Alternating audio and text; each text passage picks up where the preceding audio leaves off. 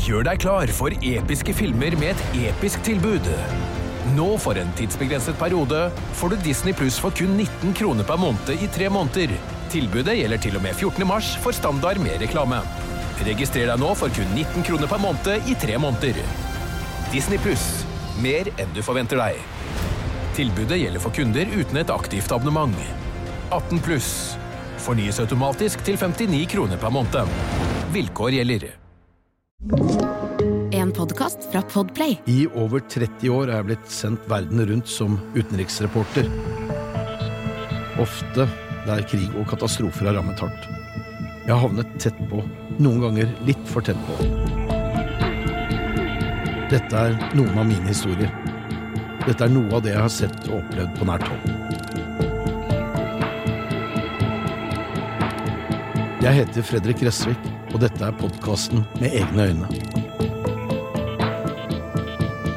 I denne episoden skal vi tilbake til den andre Gulfkrigen, da USA angrep Irak i 2003.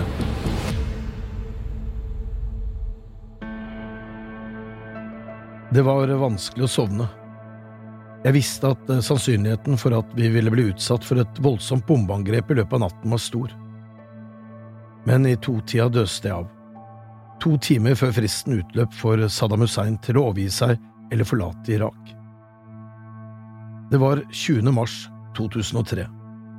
Jeg var på rommet mitt i åttende etasje på Palestine Hotel i Bagdad. Vinduene var teipet på kryss og tvers for å holde dem sammen hvis det skulle komme bomber veldig nære. På gulvet ved siden av sengen, inn mot badet, lå hjelm, lommelykt, skuddsikker vest, førstehjelpsutstyr og satellittelefonen jeg hadde smuglet inn til Irak noen måneder i forveien. Inne på badet hadde jeg fylt vask, badekar og noen svære kanner med vann. Hvem visste hva som kunne skje med byens vannforsyning når amerikanerne angrep? Rett nedenfor hotellet, på den andre siden av veien, rant Tigrisfloden. Ved den andre bredden lå Saddams enorme palassområde, og trolig bombenes aller første mål. I halv seks-tiden om morgenen våknet jeg av sirenene, stigende i kraft. Så litt spredt antiluftskytsild opp mot himmelen før helvete braket løs. En Tomahawk-rakett smalt inn i republikanerpalasset på den andre siden av elven. Jeg fikk på meg klær og sikkerhetsutstyr. Mellom stripene med gaffateip så jeg hvordan den ene eksplosjonen etter den andre rammet bare noen hundre meter unna. Over 40 raketter hadde blitt skutt opp fra amerikanske fartøyer i den persiske gulf. To F-117 steltjagere deltok også i angrepet. Bygningen ristet for hver eksplosjon. Det var i gang. Jeg visste nå at jeg var mer eller mindre fanget i Bagdad på ubestemt tid. Jeg var i en by i et land som kommet under angrep fra verdens sterkeste militærmakt. Jeg gikk ut på den lille balkongen og koblet opp satellittelefonen for å ringe hjem til TV 2 og levere en første rapport fra krigen. Det føltes helt uvirkelig. Men angrepet varte ikke så lenge før det stanset. Så var dette en siste advarsel til Saddam? Diktatoren som hadde styrt Irak siden 1979? Et amerikansk forsøk på å fortelle at de mente alvor? At den irakiske lederen måtte gå av og komme seg vekk for å unngå en storkrig? Jeg hadde trodd at han kom til å dra. Tolv år etter den forrige Golfkrigen var det ingen grunn til å tro at ikke amerikanerne ville gjøre jobben ferdig denne gangen, i motsetning til sist. At de ville holde på helt til han falt. Forsto han ikke det selv? Nå var det president George Bush jr. som hadde gitt ordre om å angripe. I 1991 var det faren, George Bush senior, som trakk i trådene. Junior hadde tatt med seg flere av farens rådgivere og støttespillere til Det hvite hus og sin egen administrasjon. Flere av dem var oppgitt da 91-krigen stanset uten at man hadde fått hast på Saddam. Nå var tiden kommet for å kvitte seg med en av verdens ondeste diktatorer en gang for alle. Omtrent idet de siste bombene falt denne morgenen, holdt George W. Bush en tale til nasjonen, ja, til hele verden. På min ordre har koalisjonsstyrker startet angrep på utvalgte militære mål for å forhindre at Saddam Hussein er i stand til å gå til krig. Vi ante det da, og vet det nå. Det amerikanske angrepet, den såkalte forkjøpskrigen, var basert på løgner og fabrikkerte etterretningsbevis. Det var gode grunner å la irakerne slippe å bli ledet av en farlig diktator, men det skulle vise seg å bli enda farligere for verden når Irak kollapset. Da USA ble angrepet av Al Qaida 11.9.2001, gikk det bare noen måneder før amerikanerne og deres allierte, inkludert Norge, angrep Afghanistan. Det var der Al Qaida hadde sine baser, ikke i Irak. Men resultatene uteble. Riktignok falt Taliban-regimet raskt, men Osama bin Laden skulle det ta ti år før man fant. Raskt kom behovet for å vise verden at USA ikke lot seg herje med av internasjonale terrorgrupper. Allerede i sin aller første State of the Union, tale om nasjonens tilstand i januar 2002, mens krigen i Afghanistan fortsatt pågikk for fullt, gjorde George Bush det klart at han hadde tre andre land i kikkerten. Nord-Korea, Iran og Irak. Han hadde fått blod på tann. Alle som kunne tenkes å utgjøre en framtidig terrortrussel mot USA, skulle stanses. Da den eh, amerikanske presidenten kontaktet eh, general Tommy Franks, som hadde ansvaret for USAs krig i Afghanistan, og ba ham legge krigsplaner for Irak, brølte den røslige generalen ut noen stygge gloser og lurte på om Washington DC hadde gått fra vettet. Hva i all verden var dette for noe? Hvor mange kriger skulle han bli nødt til å føre, på hvor mange fronter, og hvor lenge? Og ikke minst hvorfor? Nå startet jobben med å finne en unnskyldning for et angrep. Et bilde av at Irak fortsatt var i ferd med å utvikle masseødeleggelsesvåpen ble skapt. Hvem i den amerikanske administrasjonen som faktisk trodde på dette, og hvem som ikke gjorde det, er ikke godt å si. Men det hører med til historien at Saddam Hussein tidligere hadde hatt ambisjoner om å skaffe til veie atomvåpen i tillegg til kjemiske våpen. Den siste gruppen hadde han allerede vist verden at han var villig til å bruke mot egen befolkning da han beordret angrep mot kurderne nord i landet. Siden Golfkrigen i 1991 hadde FN og Det internasjonale atomenergibyrået hatt våpenobservatører inn og ut av Irak. De hadde funnet og destruert kjemiske stridsmidler og ransaket en rekke våpendepoter og fabrikker. Noen ganger møtte de motstand og ble nektet tilgang. Dette brukte amerikanerne for alt det var verdt våren og sommeren 2002. Under toppmøtet i FN i september sa president Bush at Saddam ikke var til å stole på, og at han måtte stanses. Generalsekretær Kofi Annan derimot mente at Irak burde få en ny sjanse til å vise at de kunne samarbeide med våpeninspektørene. Han var ikke alene om å ville forhindre ytterligere en storkrig i verdens mest betente region. I Irak forsto Saddam Hussein alvoret. Han gjorde det klart at Irak ville samarbeide, og at de aksepterte sanksjonene landet var underlagt, selv om sanksjonene i høy grad rammet den irakiske sivilbefolkningen, blant annet ved at en del medisinsk utstyr sto på sanksjonslistene. President Bush nektet å tro sin irakiske kollega. Krigsplanleggingen fortsatte, og han fikk støtte fra Kongressen. Blant de som ga sin støtte til et angrep på Irak, var demokratene Joe Biden og Hillary Clinton. Da Iraks leder Saddam Hussein karret seg til makten med både lovlige og ulovlige midler på slutten av 70-tallet, bar han på en drøm om et panarabisk storrike.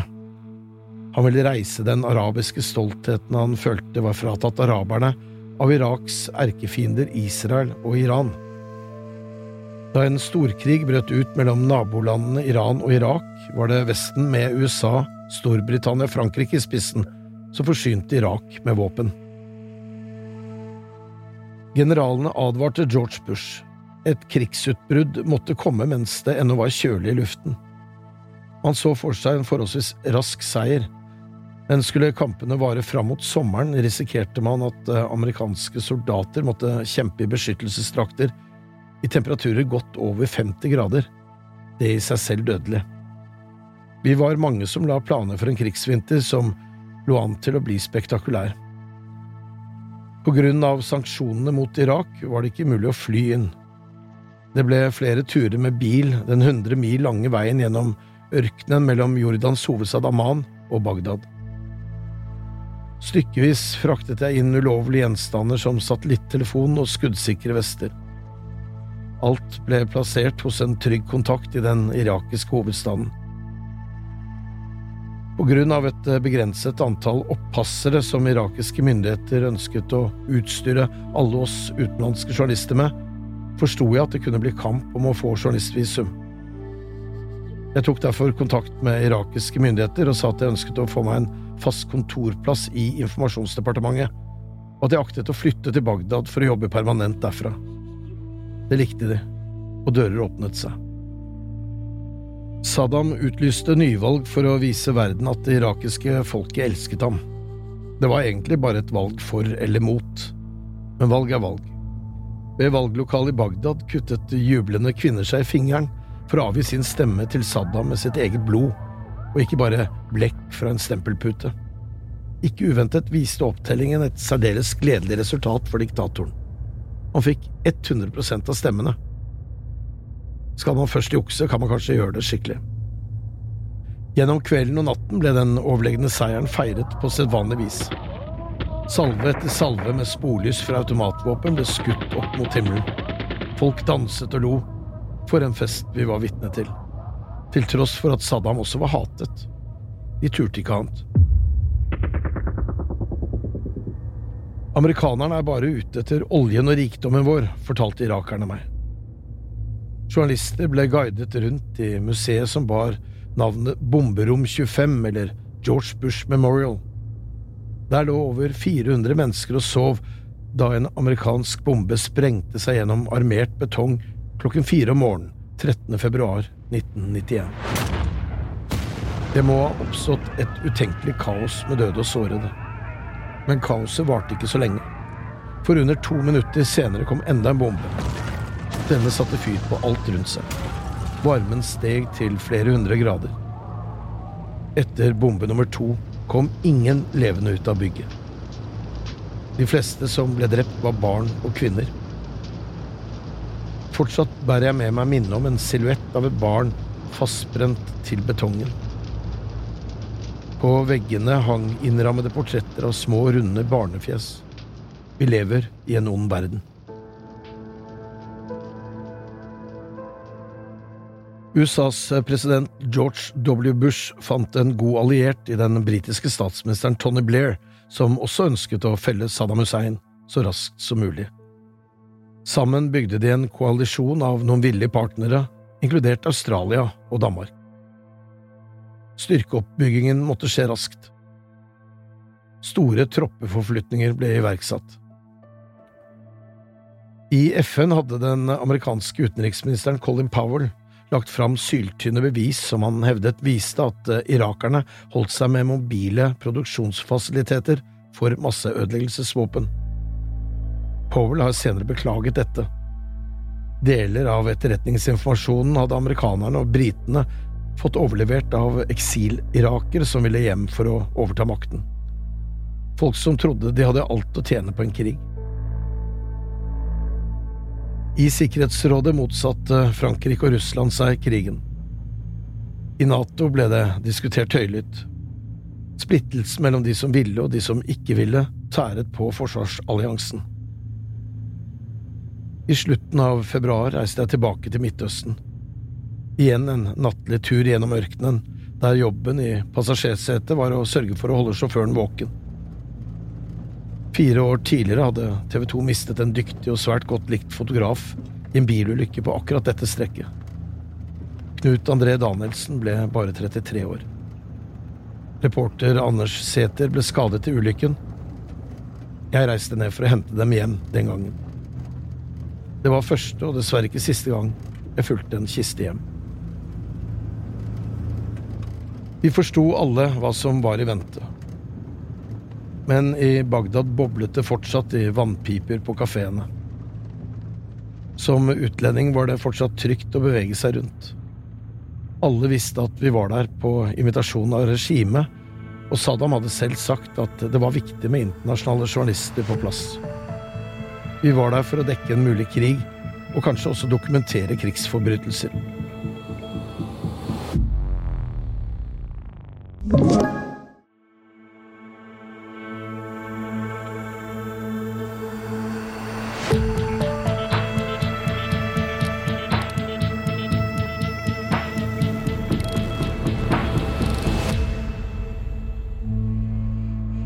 Sehavi-kafeen i Rashid-gaten ble det servert mørk, søt te.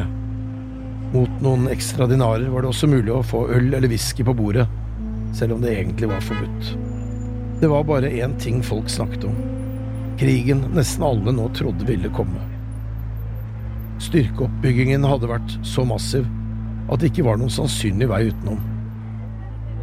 Amerikanerne hadde mobilisert en storkoalisjon på langt over en halv million soldater.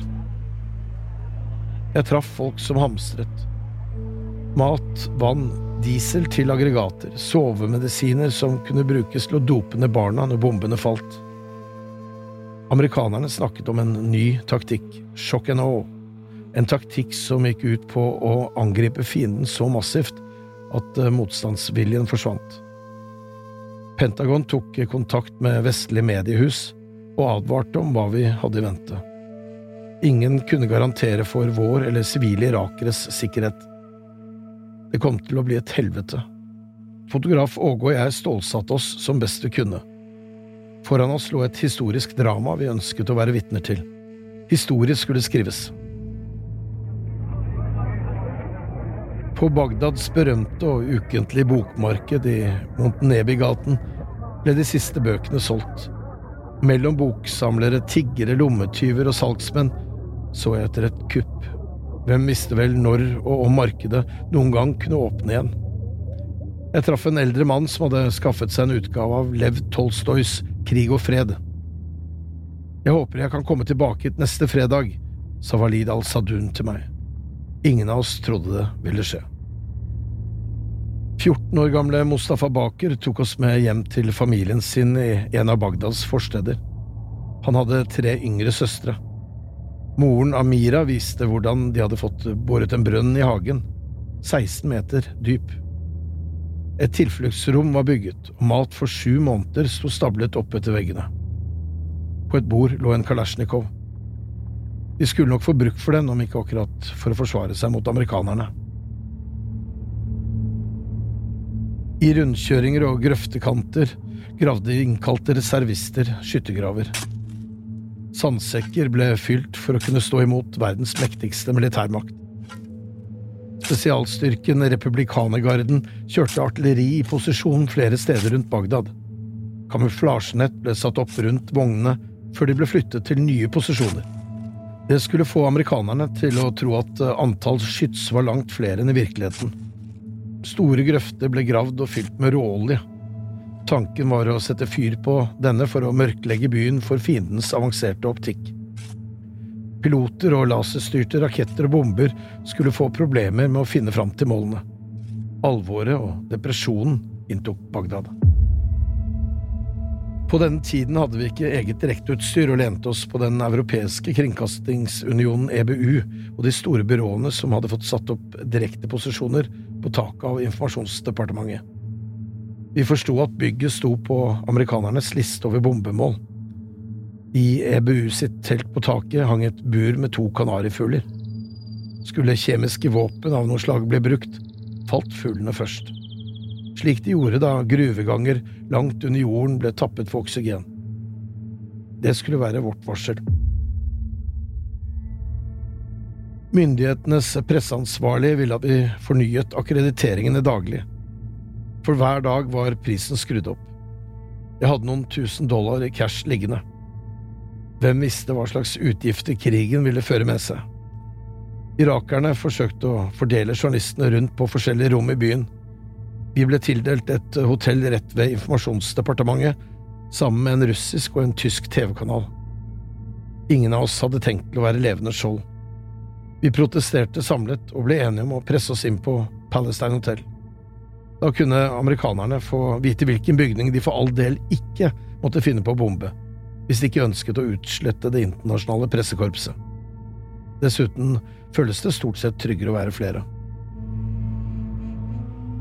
Amerikanernes tidsfrist for Saddam til å overgi seg eller forlate landet ble satt. Den siste kvelden var det knapt et menneske i Bagdads gater. Vinduer ble spikret igjen, verdigjenstander gjemt unna. Nedtellingen til Armageddon hadde begynt.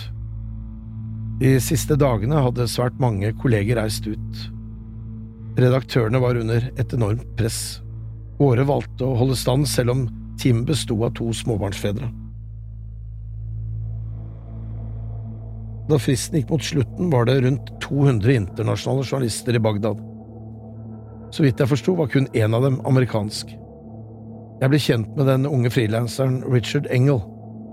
At han sto på starten av en eventyrlig karriere, visste ingen av oss. Og så kom altså det første angrepet. Hotellet ristet og bombene smalt. Men det var ikke det store angrepet vi hadde fryktet. Det som skulle skremme fienden til umiddelbar overgivelse. Det ble skutt noe mot Bagdad sentrum og noe mot et jordbruksområde utenfor byen, der amerikanerne hadde feilaktig etterretning om at Saddam Hussein befant seg. Krigen var i gang.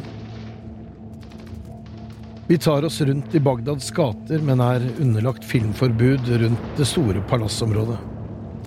Irakerne ønsker ikke at amerikanerne skal kunne studere våre opptak for å se hvor mye eller lite som er ødelagt.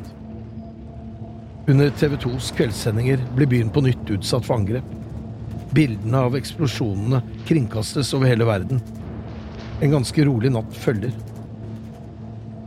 Neste dag får vi beskjed om at eh, B-52 bombefly lastet med Tomahawk-raketter har tatt av fra en base i Storbritannia. De er på vei mot oss.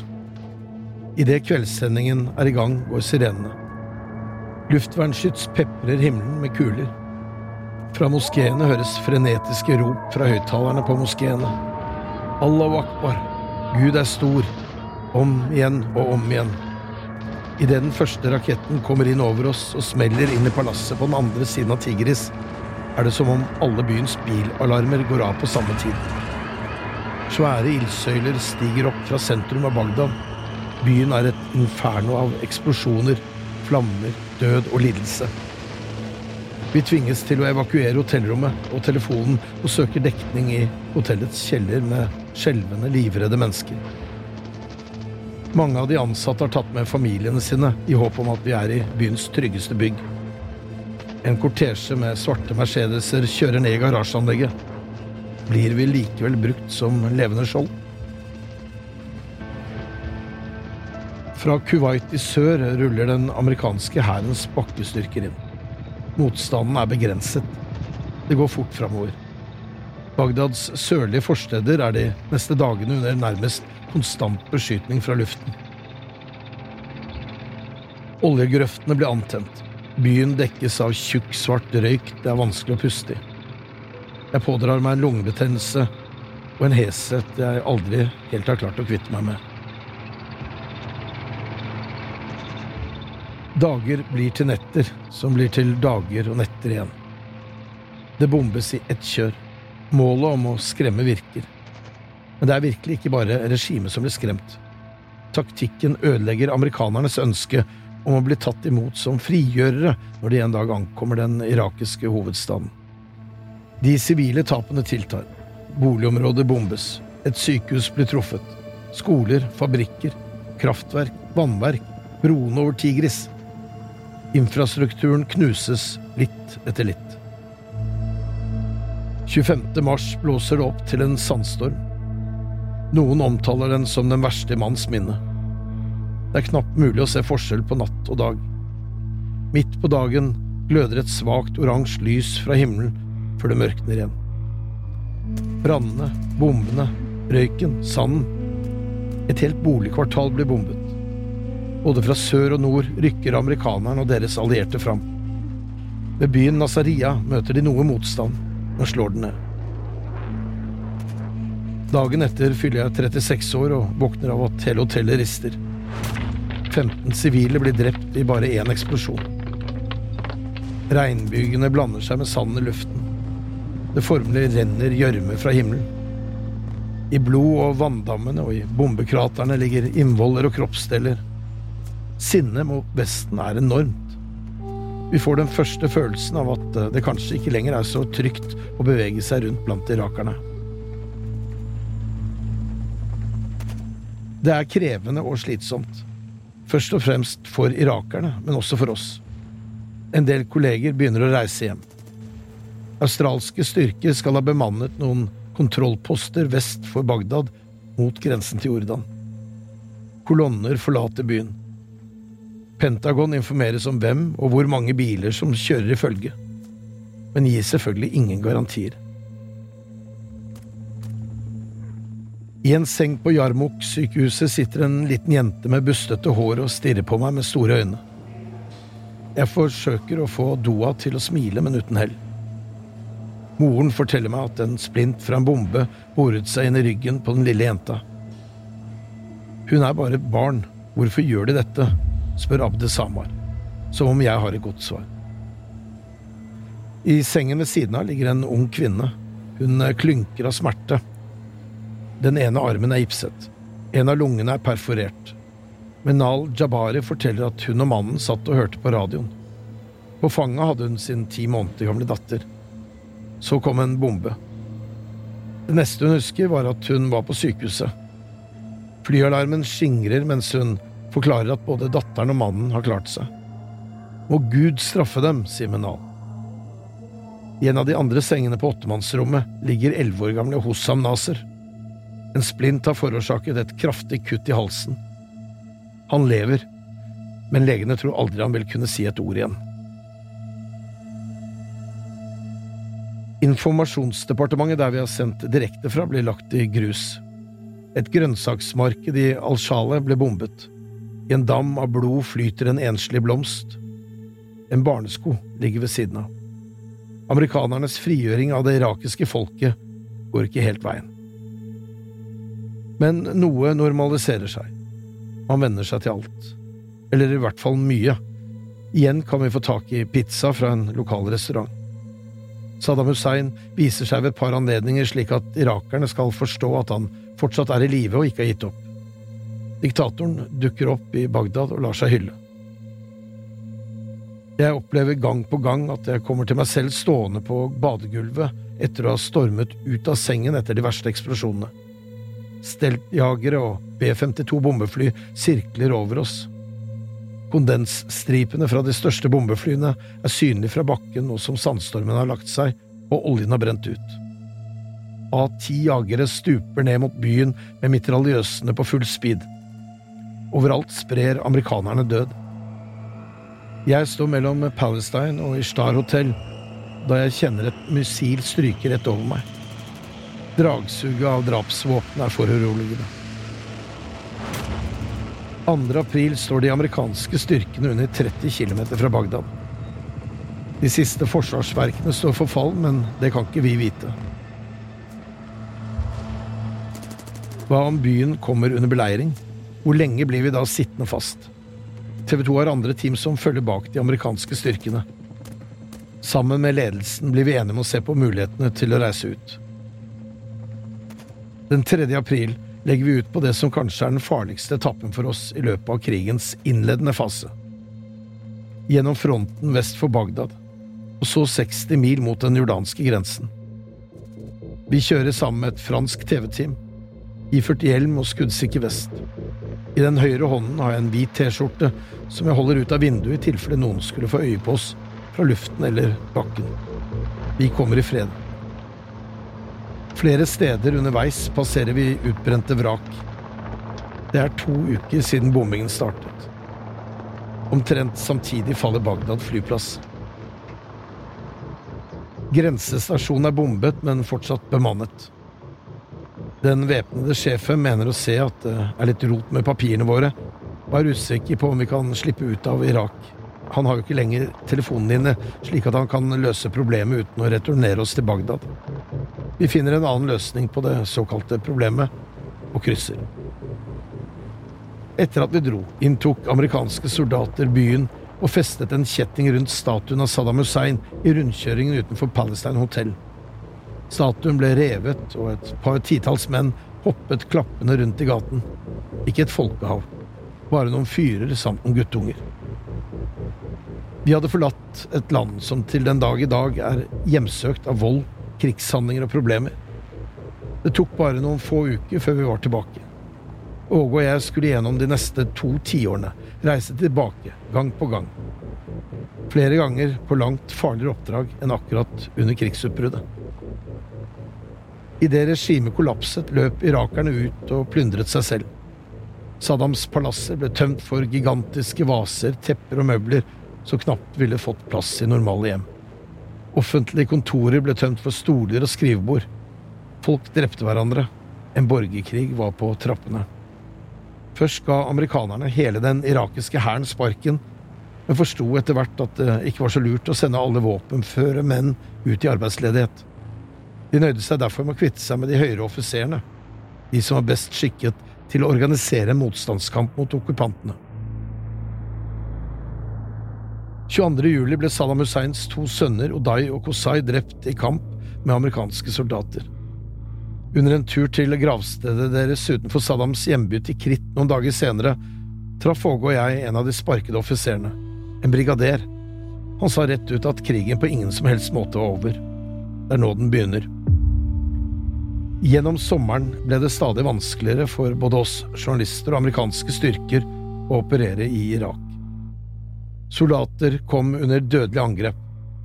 Hjelpearbeidere og journalister fikk hodet skåret av. Saddams gamle offiserer forskanset seg i noen av de sunnimuslimske byene og opprettet bånd til blant andre Al Qaida. Det som skulle bli grunnlaget for terrorgruppen IS, den islamske staten, var lagt. Den amerikanskledede koalisjonsstyrken som angrep Irak, besto av nesten 600 000 soldater. I hovedsak amerikanere støttet av 70 000 kurdiske soldater og 45 000 briter. De gikk til krig mot en styrke bestående av nærmere 1,3 millioner soldater og reservister. Irak-krigen var en katastrofe, på nær sagt alle måter. Den drøye måneden invasjonen varte, fram til 1. mai 2003, ble mellom 10 og 45 000 mennesker drept. I all hovedsak irakiske soldater. Et sted mellom 3000 og 7000 irakiske sivile ble drept i krigshandlinger mellom 20. mars og 1. mai. 13. desember 2003 ble Iraks tidligere diktator Saddam Hussein bokstavelig talt halt opp av et hull i bakken på en bondegård i Ad-Daur like utenfor Tikrit. Amerikanske styrker hadde fått tips om hvor han skjulte seg. Den påfølgende sommeren ble han stilt for retten og dømt til døden av en irakisk domstol. På den nest siste dagen i 2006 ble han henrettet ved henging. Noen såkalt smoking gun ble aldri funnet, altså bevis på at irakerne fortsatt drev med produksjon av masseødeleggelsesvåpen. Fredrik Gressvik med egne øyne er produsert av Bauer Media. Produsent for podkasten er Thomas Alsaker. Lyddesign og musikkomposisjon av Lars Petter Berg. Prosjektleder Øystein Weibel. Hør flere episoder av denne podkasten gratis på podplay.no.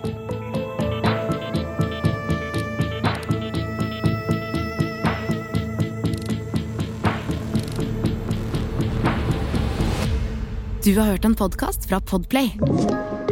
En enklere måte å høre podkast på. Last ned appen Podplay, eller se podplay.no.